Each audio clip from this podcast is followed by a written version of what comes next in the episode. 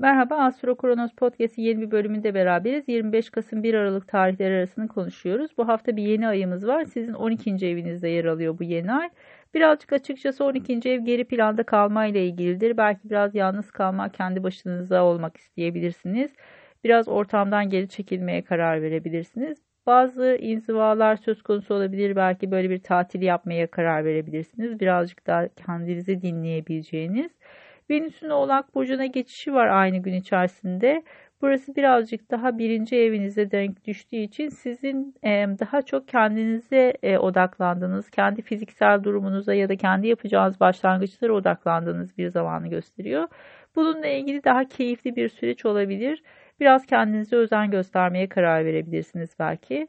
Çarşamba günü biraz kafa karışıklığı yaratabilir bazı etkiler var. O yüzden özellikle yolculuklarda araç kullanımında dikkatli olmanızı öneririm. Perşembe günü Merkür'ün Neptün'de daha uyumlu bir açısı var. E, burayı belki karar vermeniz gereken durumlar varsa ya da yolculuğa çıkmayı planlıyorsanız Perşembe gününe bırakabilirsiniz. Burada daha keyifli bir süreç olacaktır. Aynı gün Venüs'ün Uranüs'te de bir uyumlu açısı olacak. Özellikle çocuklarla ilgili konularda ya da aşk hayatıyla ilgili konularda olumlu gelişmeler bekleriz. E, Cuma günü birazcık daha e, kendinize odaklandığınız bir zaman ama cumartesi günü açıkçası daha sosyal ortamlarda olacağınız, arkadaşlar, meslek grupları, derneklerle ilgili konularda bazı kararlar vereceğiniz bir süreç olabilir.